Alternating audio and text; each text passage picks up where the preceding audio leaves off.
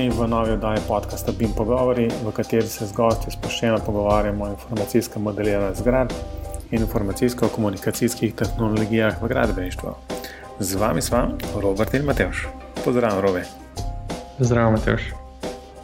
Poslušalci bo zelo hitro ugotovili, da spet nimamo gosta, ampak zato, ker imamo v bistvu spet, um, bomo obravnavali en dogodek, ki se si ga ti udeležil. To je pa z eno zelo čudno kratico, SKPPI, ampak bom kar te prosil, da poveš, kaj sploh to je. Ja, no, ni čudna kratica, ampak zelo dolgo ime je, potem pa reč kratico uporabljamo. Res je. Uh, to je bil 14. slovenski kongres o prometni in prometni infrastrukturi, ki sta ga organizirala, mislim, bil v soorganizaciji DRC-ja pa naše fakultete pa mislim, da je še nekaj drugih stvari. Uh, še nekaj drugih ustanov, ki so bili uh, soorganizatorji. Gre so prvič, kot sem zvedel od ostalih udeležencev, je ta kongres vsaki dve leti organiziran, zadnja leta je v Portugalsku, tako da sem bil v zelo kratkem času že drugič uh, na istem mestu. Moram reči, da mi je bilo spet všečno. Pač, kot že ime govori, gre za kongres, ki je usmerjen predvsem v promet, prometno infrastrukturo, strategije, politike, vse to. Zakaj sem pa jaz bil letos na tem kongresu? Sta pa dva razloga. En razlog je bil, da je en bivši študent, ki sem mu tudi pomagal pri izdelavi magistrske naloge, predstavljal en prispevek, ki, ki uh, ga je pripravil, oziroma smo ga pripravili. Drug razlog je pa bil, da je bila ena sekcija, ki me je zelo zanimala. Um, zdaj, da poiščem, kako se je te sekcije reče. Ja. Digitalizacija v procesu gradnje, najbrž, ugraditve. Digi digitalizacija v procesu graditve, točno tako. Ki je pa govorila o BIM-u, čeprav temu niso govorili samo BIM, zdaj se če dalje večkrat uporablja neka bazovor digitalizacija. Ne?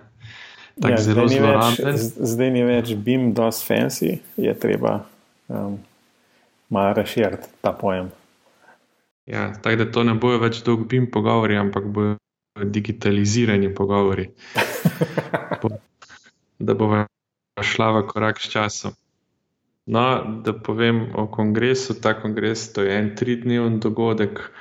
Jaz osebno sem se udeležil samo enega dneva, tistega, ki je bil najbolj poln s programom, ker prvi del je bil voden z veliko okroglih miz, debat, forumov.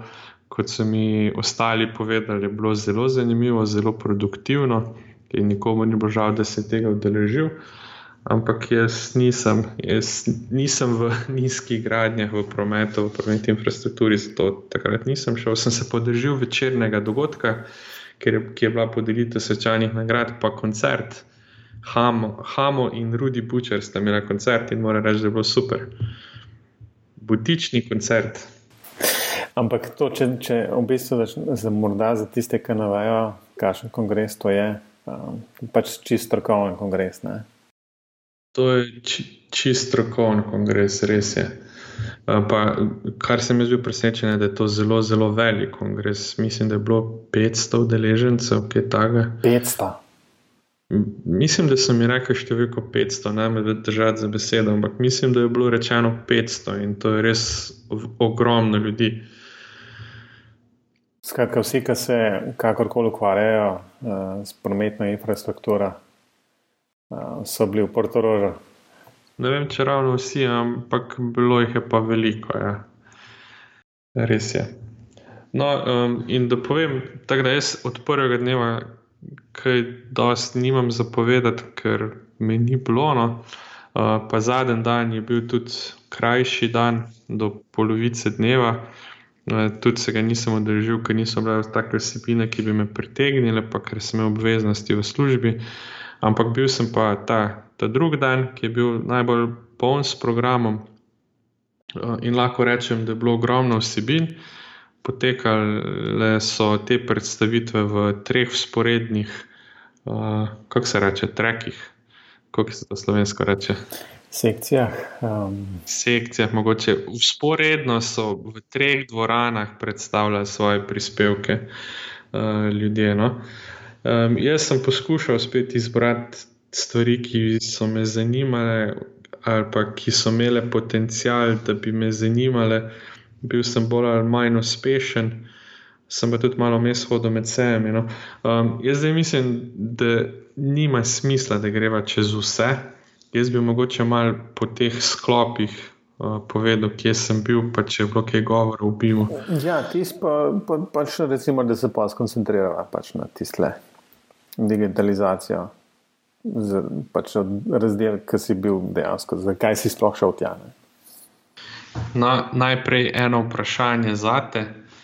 Bil sem na štirih sklopih predavanj. Um, kaj misliš, v koliko teh štirih sklopov je bil omenjen BIM?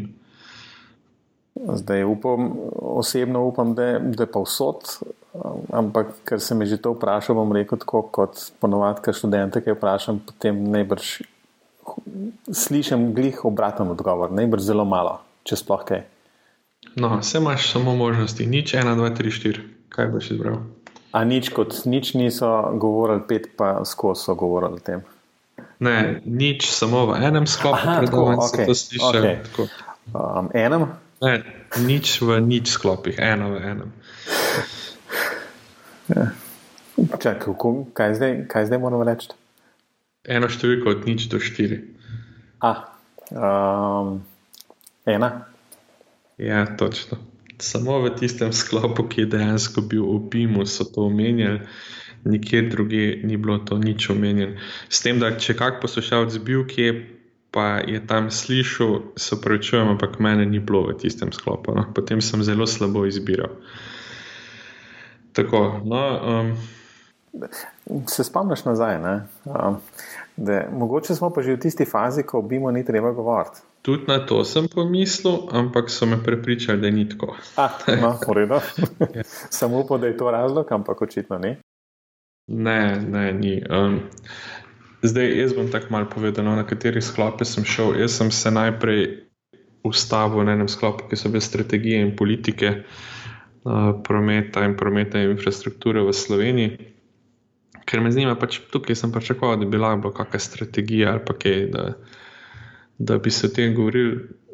Jaz v teh predavanjih moram priznati, da nisem kaj veliko zapomnil, um, ker je bilo res bolj tako čisto strokovno usmerjen. Bi omenil dve, dva sklopa, no? ali pa se lahko vse na hiter.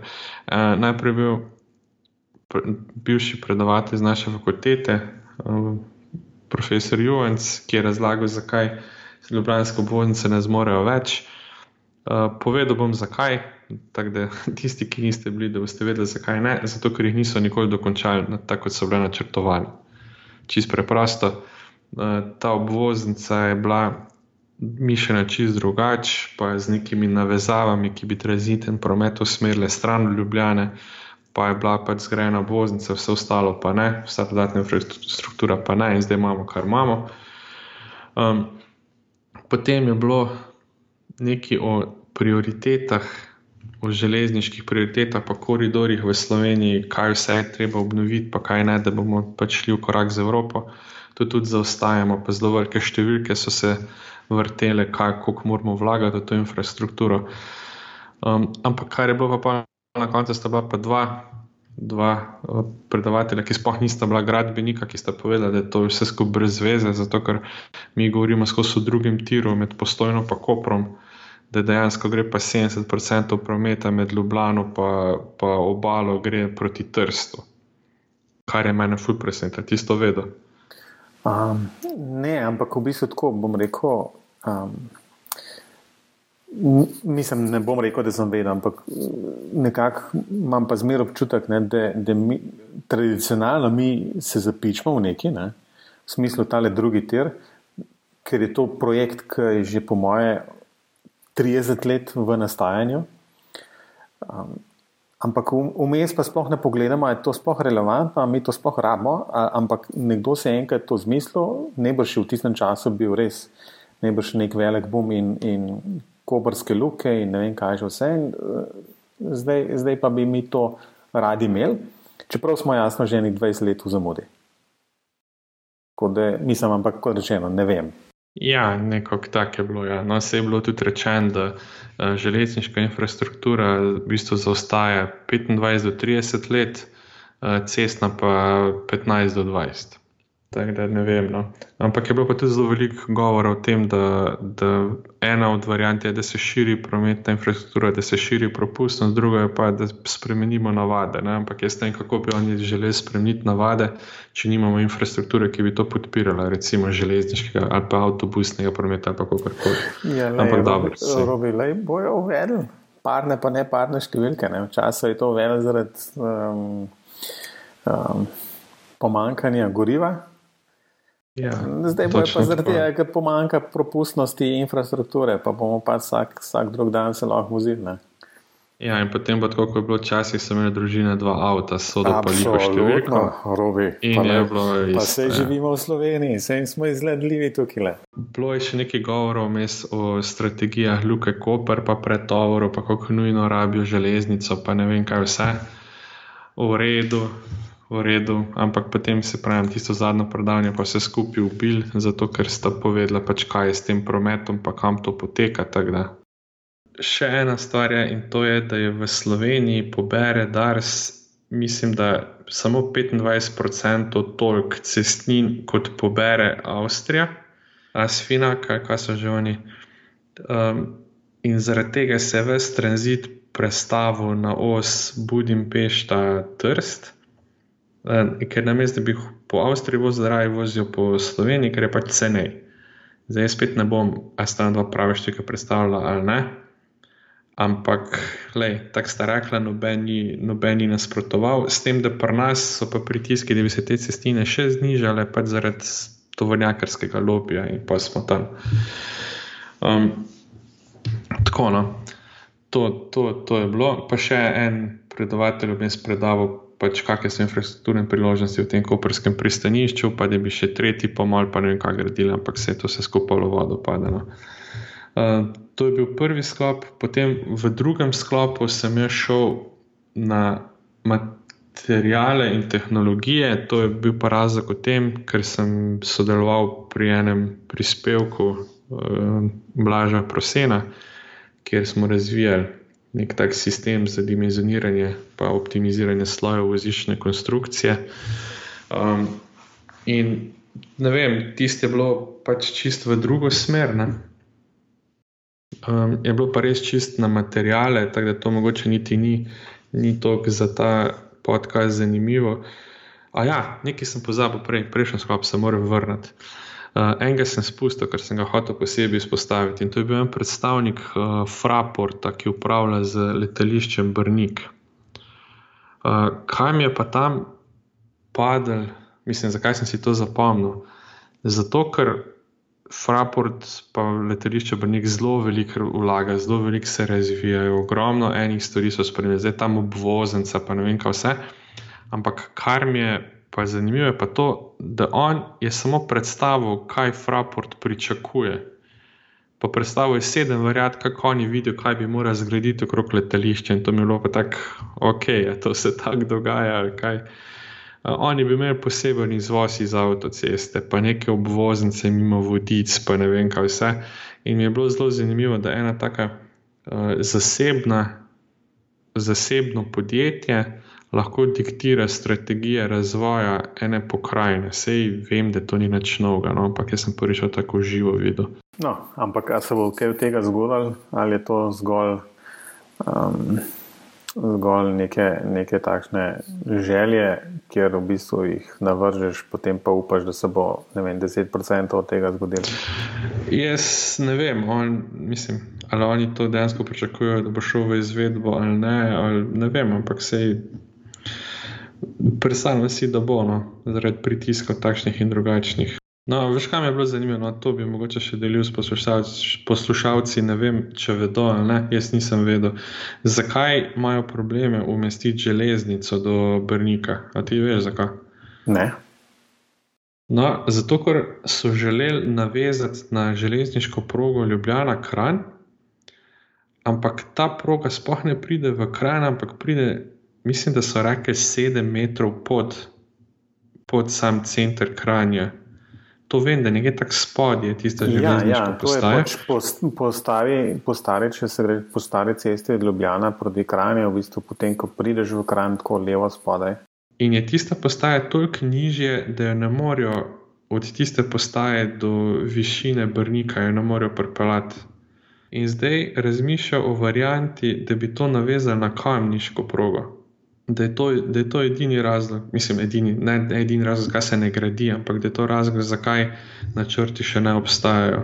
Jaz to nisem vedel, no, mi je pa zelo zanimivo, zato sem se zdaj spomnil. Ok, no, um, naslednji sklop, ki sem se ga držal, no, so biti materiali že prej omenjeni. Jaz tukaj ne bi veliko besed zgubil. Blaž je predstavil sistem, en spletni sistem, kjer ti vneseš vse zahtevane podatke in en zelo tak srednjeveški postopek dimenzioniranja vozišča na nek sodoben način pa zelo olajša. Um, tam so bili tako izpostavljeni predlogi za izboljšave, pa kaj še manjka, pa tako naprej, kar se mi zdi super, kar pomeni, da, da je ta inicijativa v redu. Potem v nadaljevanju so bili pa še predstavljeni eno, bilo je Združenje Asfalterjev Slovenije, neka priporočila za asfaltiranje površin za mirujoči promet, neki so dali, kar se mi zdi super, pobuda, pa so še tam ko so oni asfaltov predstavljali.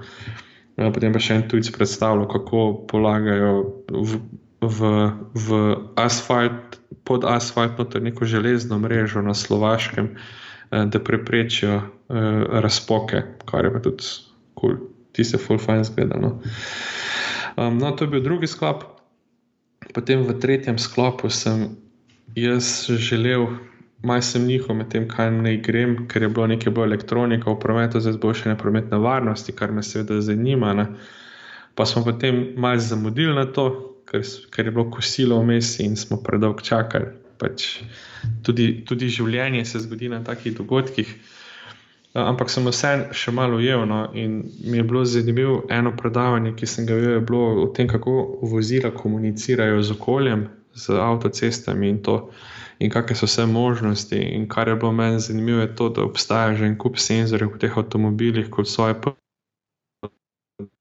podatke, času v neko oblak pošiljajo in da so ti podatki o tem dostopni ostalim, in to je vse živo, od stanja vozišča do, do vem, hitrosti vožnje, do ne vem, ne vem česa vse.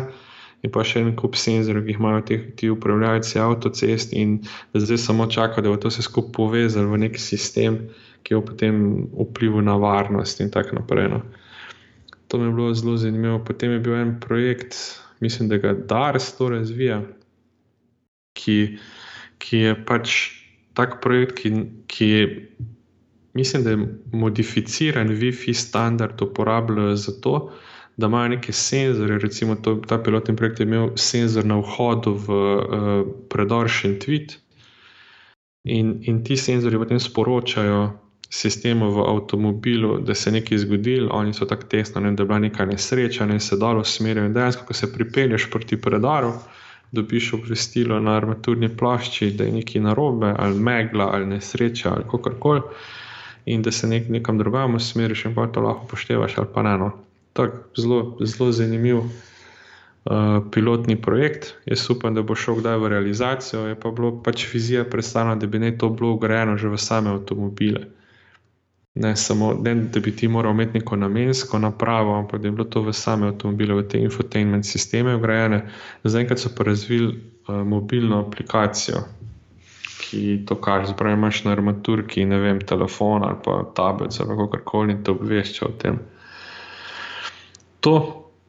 Potem je bilo eno predavanje o asistenčnih uh, sistemih v vozilih, pa to, kako delujejo, sam, kako avto sam vozi, pa Tesli, pa gor pa dol. Jaz moram reči, da tukaj nisem zvedel nič novega, sem to že vse prej vedel. Uh, je bilo pa zanimivo, da je najbolj izpostavljal ta predavatelj uh, to, a veš, ko so te dileme pri samovozečih avtomobilih. Ko avto sam vozi, potem pa oceni situacijo, vidi, da bo prišel do nesreče, potem se pa odloči za, za uh, manjšo žrtev. Ja. Ja. Ja. No, v tem, ne. Recimo, če mogoče kdo ne ve, uh, kaj to pomeni, recimo, avto vidi, da se bo nekam zaletel, potem pa izbira, ali se ne zaleti v enega pešca ali v tri. Ne? Um, in tega je nišče noče pač imeti te izbire. Ne? In pa je bilo vprašanje, pač, kdo bo to kriv, kaj bo zavarovalnica pokrila, s čim boš ti živel, boš ti prevzel odgovornost za svoj avto. No? In potem pridemo na polje ne tehnologije, ampak bolj psihologije, pa sociologije, pa filozofije. No, to, no. no, potem sem pa jaz zamenil sekcijo, sem šel pa v eno sekcijo, kjer je govorila o premostitvenih objektih.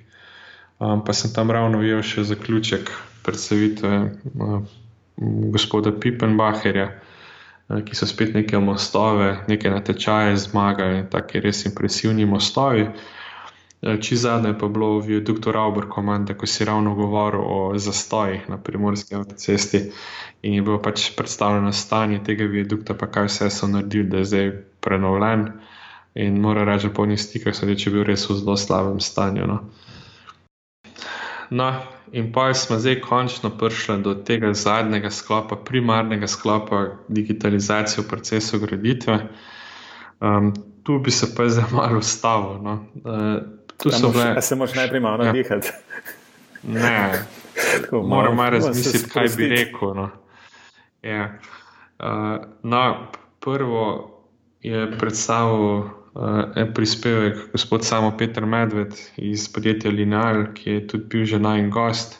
Mislim, on ni samo iz podjetja Lineal, je tudi ima vlogo na inženirski zbornici Slovenije, pa v združenju CB in pa še marsikaj druge.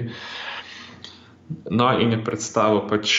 Kakšen je pomen digitalizacije za razvoj in konkurenčnost gradbene panoge v Sloveniji? Mislim, vse ni bilo nič novega, to je predstavil na enem drugem občinstvu, ki mu zdaj dve leti ni imel priložnost te stvari razlagati, pa marsikaj se je zgodil.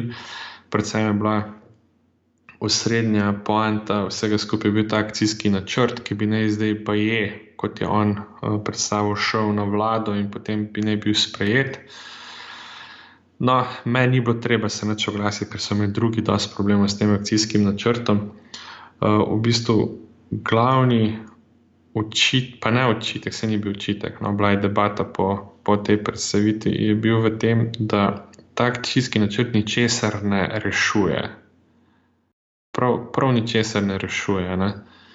Um, in to je to, kar mi dve že skozi govorimo, kar smo prvič govorili o tem akcijskem načrtu. Da noter je en kup enih obljub, nobenih rešitev. Ne vem, no.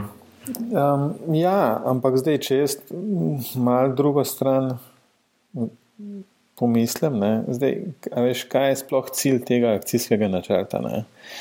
Najbrž v osnovi ni reševanje nekih problemov, ali pa tudi, no, odvisno kako na to stvar gledaš. Ne? Predvsem je najbrž cilj premakniti tehnološko ne, um, zadevo naprej, z enega, enega recimo, tazga mrtvega teka, kjer kjer se kaj prodost ne spreminja v samem procesu gradnje že zadnjih, ne vem, toliko in toliko let. Lahko se govori o napredku na materialih, pa napredku na, vem, dimenzioniranju, pa ne vem, kaj še vse. Ampak, če pa gledaš kot celota, je pa bolj ali manj zadeva taka, kaj je bila, ne? Da, ja, morda, morda razumem pač to bolj kot en tak um, probati zagnati v bistvu neko zadevo, da, da se bo kaj premaknilo tudi na tem področju, čeprav ne vem. Ne? Ja, jaz moram reči, da sem vse na tak tiski načrt začel malo drugače gledati, takrat, ko sem imela uh, gospoda Medveda v gostih pred nami. Ker je podal en tak pogled, ja, da pač moraš streljati visoko, da pa lahko malo nižje, mogoče kaj zadaneš. Ne? In v tem smislu Ja, super, v redu, se strinjam. Ne? Ampak po drugi strani pa ne vem, no, mislim, se to so mu tudi učitelj, mislim, učitelj spet, bila je debata, da ne bo kdo to tako resno vzel. Ne? Da, če je to nek akcijski načrt na nivoju države, zakaj potem se ni o njem razpravljalo v strokovni javnosti? Ne? Odgovor je bil pač, ja, da je vsak imel možnost se vključiti v SIP in pa kaj tam, ne vem, sodelovati, pa to, no, ampak kaj pa jaz vem, no, ne vem, če je bilo to čistko. Um, poleg tega se mi zdi, da so bili noter tudi v tej skupini vključeni ljudje, ki jih morda ne bi tam noter pričakoval. No? Mislim, pa ne ljudje, ampak um, ne, ne, ne gre to poimensko po ljudeh, ampak vlogo, ki jo imajo pač v tej gradbeni industriji. No? Tako da se pravi, ne vem, se strinjam s tistimi, ki so debatirali. Um, se tudi strinjam, da je verjetno kak akcijski načrt potreben, se strinjam pa tudi s tem, da je bil pripravljen v zelo oski skupini, ne bi pa zdaj diskutiral razlogi, zakaj je bilo to tako. No. Ja, se to, to sva že v bistvu tudi takrat rekla. Um, zdaj, bojim se, bojim se v bistvu jaz pri tem, ne, um, da, da te stvari dejansko potem kar grejo ne, naprej, kot v smislu na vlada, pa se to sprejme.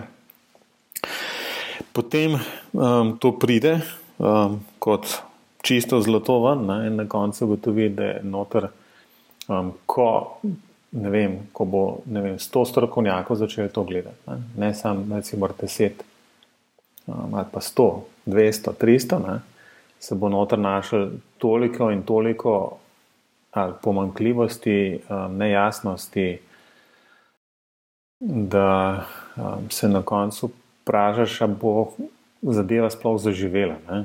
Ker akcijski načrt je nekaj. Ne? Akcijski načrt je pač dokument, saj jaz si tako predstavljam, kot v redu. To, to je pač država, ne bi te stvari podpirala v nekem smislu. Ampak to, to ni zakon, to, ni, to niso neki predpisi. Do, do nekih zakonov, ki bi ki bi narekovali, da, da se to uporablja na ta način, je najbrž še zelo daleč. Najbrž res. Se jaz to pač tako predstavljam, mogoče malo lajično. No? Um, ampak um, to je pač nek dokument, ki, ki recimo, da je nastal v globalu, se ga razume. Zdaj, kaj pa. Mislim, da je tako, kot smo se prej pogovarjali, ko je nekdo pač rekel, ja, kako, kako nas boste pa prisilili, da bomo to delali na ta način. Ja, najbrž zelo težko na osnovi akcijskega načrta, najbrž ni vzvoda tega. Um, je pa vzvod, če le pride z nekimi zakoni, uh, predpisi. Ne? Ja, vse. No, ne vem, bomo videli. No. Meni se zdi tista debata koristna, ker sem videl, v bistvu, da nimam samo jaz takih pomislekov. Ni bilo nekega zaključka, ampak ne vem, upam, da se bo ta debata nadaljevala. No, zdaj, zdaj, mogoče dejansko si imel priložnost poslušati to debato, pa tudi ostale predstavitve. Ker so, ne vem, občinstvo ni bilo tisto klasično bimovsko, recimo, temu pod navednicami, ne, ki, ki bi ga srečali na, na vem, CBN konferencah in podobnih. Kako je bilo pa vse skupaj to sprejeti v smislu, Um, ja, da ima vsi, pa v bistvu ja, je neka pripravljenost se spremenjati, ali je tako, kot smo že zadnjič ugotovili, da imamo stvari pustiti tako, kot so, ne? ker imamo potem malo več manevrskega prostora za kakšne uvoze delati, um, ali pa pač smo na ta način navajeni delati že zadnjih 20-30 let. Ma, ne vem, če sem jaz ravno poklican, da me zdaj zaključke vleko na podlagi ene odeležbe na takem kongresu, ampak kot sem jaz videl, govoril z njimi, opazoval pa to. Ja, vsem so všeč tiste vizualizacije, ja, vsi vidijo neke prednosti, ampak vseeno pa zelo skepso to sprejemajo. Ne? Najprej je bila skepsa pač v tej smeri, da se je vse prikazovalo, da bo vse rešil, to vse reši, to vse dela vem, v tej smeri. Ne. Zdaj, ko se ti prvi polet, po, poletni pilotni projekti zaključujejo, uh, se tudi pojavljajo prve izkušnje, pa kaj vse je šlo na robe, pa kaj vse je šlo dobro, pa kaj bilo treba spremeniti. In zdaj se mi pa zdi, da vsi spet čakajo da bodo videli, da se naučijo vse to delati, pa bo pa že na nekem projektu nam to pokazali, pa bomo mi hitro zraven pršali. No. Um, mi je pa, ok, pa naprej imel še istok za Breznik, ki je tudi bil že najgost na tem podkastu, imel presito pa mogoče pa povedal. Lahko gremo zdaj naprej. Ali? Ne, ne, kar povej.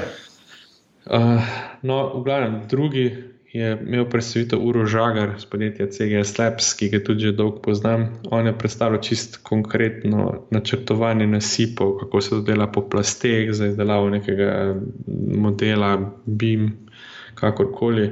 Uh, zelo taka tehnična predstavitev, tako da se ne bi tu niti kaj ustavilo, sem pa vesel, da CGS Labs imigano. Uh, bom tako rekel. Potem je bil tretji, je bil Istok Zabreznik, ki je pa prikazoval izkušnje pri izdelavi enega takega projekta, ki so ga celega izdelali s procesom BIM, ali kako temu rečemo, z digitaliziranim procesom. Ne vem, ne vem kako bomo to poimenovali. Uh, kar je bilo meni tu zanimivo, je bilo to, da so izmenjevali izkušnje. Zdaj pa jaz bi to povedal, da jaz to zdaj govorim skozi prizmo konference Build ki je bila svetovna konferenca in sem se udeležil par tednov nazaj. Kaj je bilo to tako zanimivo? Zato, ker so v bistvu prihajali do istih ugotovitev. Zdaj, prva je, da proces razpade pri ljudeh. To je pač prva stvar. Druga stvar, da so imeli recimo, največ težav, so imeli zaradi tega, ker so stvari poimenovali v, v, v procesu pridobivanja PGD, preden so vlagali za PGD, je bil ne vem, nek načrt označen za 11.3 ali pa 1.3, ne vem, pa je bil pa za 1.2 in pa so mogli vse spremeniti in vse razpadlo. Recimo take stvari. Uh, ali pa še bolj zanimiva, ki pa dejansko izhaja čisti iz Build konference, ker tam so zelo veliko govorili o tem. Isto je predstavil, da moraš ti se odločiti, do kakšne podrobnosti ali pa tega LOD-ja. No, eni govorijo o stopnji razvitosti, da je ena stopnja določenosti. Pač ne vem, to, da vemo, ko govorimo, pač kako natančen model pripravljaš. Da je odvisno od tega, katere stvari moraš razviti, do katere, katere stopnje podrobnosti. Ne, se pravi, če nekaj ni na strateško pomembni lokaciji, ni nujno, da razvijaš čist, čist do zadnjega vijaka, je mogoče dobro samo schematično. Um, če pa je na, na strateško pomembnem mestu, potem pa moraš dejansko dosti dobro razvideti. To je bila ena stvar. Uh, pa druga, kar mi je tudi zelo se zasidalo, je bilo to, da je razlagal, da te veš, uh, detekcije kolizij, v bistvu to, ko se elementi med sabo. Uh, mislim, zajamejo isto točko v prostoru. Da to pri infrastrukturnih objektih, recimo, je dal primer za nek tunel, ne? da tam so neke mreže, ki so na vsake ne vem koliko metrov, In tiste mreže pač je vseeno, zdaj visijo centimeter gor, dol, levo, desno, zato ker jih pa enostavno ne morejo drugače ugraditi, kot dejansko to na gradbišču delajo, ampak v modelu se pa to pokaže kot napaka. Ne? In da je treba v teh vseh izvedbenih planih pač predvideti, da teg, tega pač ne boš rešval, ker to ni noben problem. Ne? Recimo take izkušnje, to so res neprecenljive izkušnje, ki bojo ti um, early adopteri, tako imenovani early adopteri, imeli to, to mi je bilo zelo zanimivo pri njegovem predavanju. No, in še ena stvar, ki je on poudaril, da je najpomembnejša stvar pri takem projektu je to skupno podatkovno okolje, ta CDE, ampak takoj zatem ga je pa poimenoval projektni portal. ta, ta CDE je postavil tako ne 20 let nazaj, ker so se ti projekti portali začeli. Uh, ja, no. Tak, no, kar hočem reči, je to, da je no, FTP sem imel postavljen. Ne, nisem imel FTP, ker sem dejansko imel uh, uh, vržening, kaj je to? Ja, verzije, Različ, ja, ja. upravljanje ja, različic. Ja. No, tako, uh, ampak princip je pa praktično isti. Ne? Ja, ampak, veš kaj, vse na FTP imaš tudi upravljanje različic. V bistvu sem tako, da vsaki datoteki daš pol eno številko več na koncu. No, ampak se veš, da to ni prava pot. Ne, vse jaz, če bi, če bi se potem lahko zapletel debato z njim, bi se vedno vprašal, kaj je s, tem, s temi projektnimi datotekami po zaključku projekta, pa kako bi s temi verzijami upravljal, če hočeš preiti od tvojega projektnega portala na kakšnega drugega. Ampak vem, da tega odgovora, pač, ta odgovor ne bi bil nobeno všeč, zato sploh nisem spraševal tega. Ne. Recimo to. No. no, potem je pa še zadnja predstavitev v tem sklopu, pa bila, kako so uporabljali na videzno resničnost v fazah projektiranja v inženirski geologiji. Tam so neke padajoče skale, bile, pa kako se to rešuje. Jaz sem imel zelo velika pričakovanja od te predstavitve, potem na koncu sem pa gotovo, da so zmodelirali v Arhikedu, pa z BMX-om pokazali, mi je pa kar malo padlo vse dol. Ampak ok, v redu. Smo že videli. No. Tako bo rekel. Tako da to, no. Zdaj, če bi potegnil črto pod to, um, zdi se mi, da je prišel zdaj čas, ko je ta hype, uh, ali kako se temu reče, ta visoka pričakovanja okoli Bima, so se malo razblinila in zdaj dejansko se ti prvi pilotni projekti zaključujejo. In zdaj se pač predstavljajo izkušnje, in te izkušnje niso samo pozitivne. Ampak da se razumemo, meni se zdi to izjemno pozitivno, da se govori tudi o slabosti. Ker se mi zdi, da zdaj, ko se govori o slabosti, dejansko ljudje vidijo, da nekaj je s tem, ker prej bi pa to nek marketing. Tako da to. No? In jaz upam, da bo tega veliko več in pričakujem, da bo tega zelo veliko tudi na CBM konferenci. Čeprav moram tudi povedati, da CBM konferenca program letošnji, ne, mi ne daje upanja, da bo tako. No? Kaj si že kaj pogledal program? Um, nekaj malega sem gledal, ampak ne pa v detalje, no? tako da ne bom nič zdaj le rekel. Um, ampak si pa mislim, da je kar dobro zadevno. Tiste, veš, se spomniš tistega hype cycla od Gartnerja. Gartner Research. Ja, a veš, in, da sem točno to samil. Po moje, zdaj se približujemo tisti luknji, kaj je za tiste ta največjim, um, največjimi pričakovanji pol tak strm padec v, v neko luknjo. In se mi zdi, da smo še zmeraj na tele krivuli na vzdolj, še nismo čist na tle. Ne? Um, ne, jaz tudi mislim, da ne. Pot, Ampak potem se, bo, potem se počasi začneš uspenjati um, in upaš, da boš dosegel nek plato uporabnosti, ki je praviloma mnogo, mnogo nižje postavljen kot pa tist, uh, tista visoka pričakovanja, ki si jih imel v, pač v tistem delu. Točno to. In jaz res pričakujem, da bo tu v tem primeru to zelo izrazito. Ja, pa še nekaj sem pozabil povedati, kaj je isto, ko pozoril. S tem se pa absolutno strinjam. Uh, Rekl je, da izkušnje kažejo, da najboljši projekti so takrat, kjer je BIM model enako projektant, se pravi, da projektant zmodelira model. Zelo slabe izkušnje imajo s tem, ker je projektant zaključil svoje delo, pa je predal to nekomu drugemu, da je potem on model gradil. In to zaradi tega, ker projektant sam ve, zakaj je kaj naredil in napake v modelu popravi, če jih opazi. Kar je pa, a se spomniš, ko smo govorili. Tudi mi še enkrat pojasnim to, kar nisem najbolj razumel. Veš, ja? govori, se, govori se o novem profilu delavcev in en od njih je BIM modeler.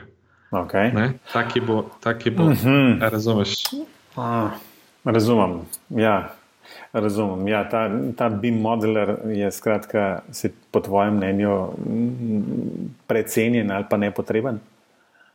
Ne, ne potreben, ampak projektant mora biti sposoben narediti svoj BIM model. No, vse to hočem reči, ne, da, da v bistvu no, mora pro, projektant že biti tudi ta BIM modeler, pač oseba, ki upravlja oboje ne, in, in projektira in modelira hkrati.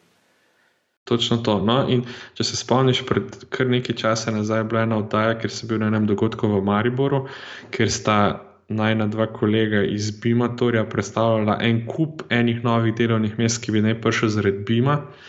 No, in zdaj se je izkazalo, da neč od tega, ne neč od tega, ampak od tistega zelo malo od tistega drži, zato ker obstoječi profili se morajo digitalizirati, ne pa da bi novi profili nastajali.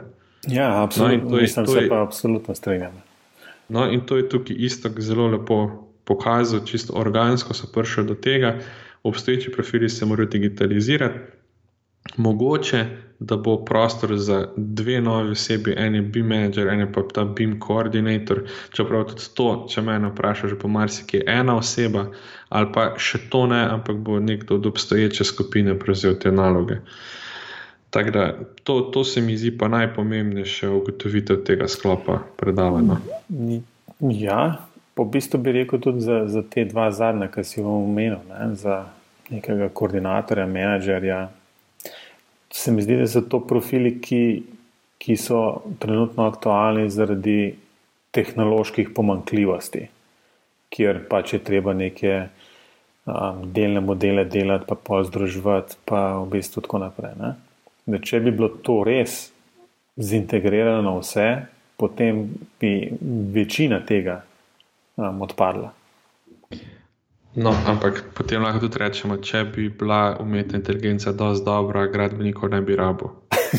čakaj, čakaj, ne, se, se ne rečem, da ni res to. to um, no, ampak hočem, hočem mogoče zaključiti tako, kot si ti rekel prej. Ne, da dejansko vidiš, da, da morda izobraževanje čistega BIM modelarja ali pa koordinatorja, tudi koordinatorja. Um, v bistvu mogoče ni niti najbolj tako blazno pametna.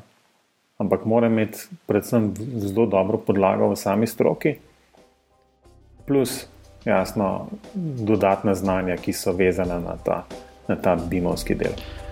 To si v zdaj tako lepo povzel, da nimam kaj dodati in predlagati, da kar zaključimo. v redu.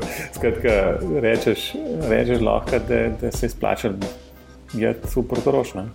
Ja, vse je splačal, pa ne zaradi sonca, zaradi vsebin, da ne bo kdo na robe mislil. Ja, no, vse, to sem, na to sem napaljeval. Um, v redu. Skratka, konferenco so povzela, ostane še priporočila, imamo za danes kaj. Ali se izognemo tega, da jih ne, ne bomo imeli. Um, Ja, neč, mislim, da so te, ta prvi sklop teh razno, raznih um, bimovsko obarvanih dogodkov, jesenskih, se počasi končuje, zdaj je malo pauze, potem pride pa drugi sklop s Bimom in potem tudi Beam World v Mihno. Tako da um, si bojo poslušalci zdaj malo oddahnili od teh takšnih um, Bim pogovorov, pa morda vmes posnela kakšnega kakšno oddajo, ki je bolj klasične narave, s kakšnim gostom, ki ga že dolgo časa nismo imeli. Ja, Obenem bi pa jaz rekel, da se nihče ni pritožil, da ima ta tip oddajanja všeč, tako da ste si sami krivi. Ne, se, če, če se postavim v, v, v vlogo nekoga, ki ni bil na teh dogodkih, je pa pač zanimivo slišati, kaj se, kaj se na teh dogodkih govorili, kaj, kaj je tisto, kar je, kar je res zanimivo. Ne, za, za recimo, poslušalce, ki jih bi jim zanimalo. Noč, to je vse za, za to oddajo. Uh, Robi, uh, kje lahko najo, kje kontaktirajo, ponoviva e-mail. Najboljši ime je robert.afna.klinc.net. Tako, meni pa tudi, oziroma lahko pa tudi na, na info, afna, bimpogovori.si, oba dva bo dobila ta mail, um, tako da to bo sigurno prebrano in upoštevano, in bo kaj nazaj odpisala. Tako da to je vse za danes. Um, بالروبي هادية. هادية.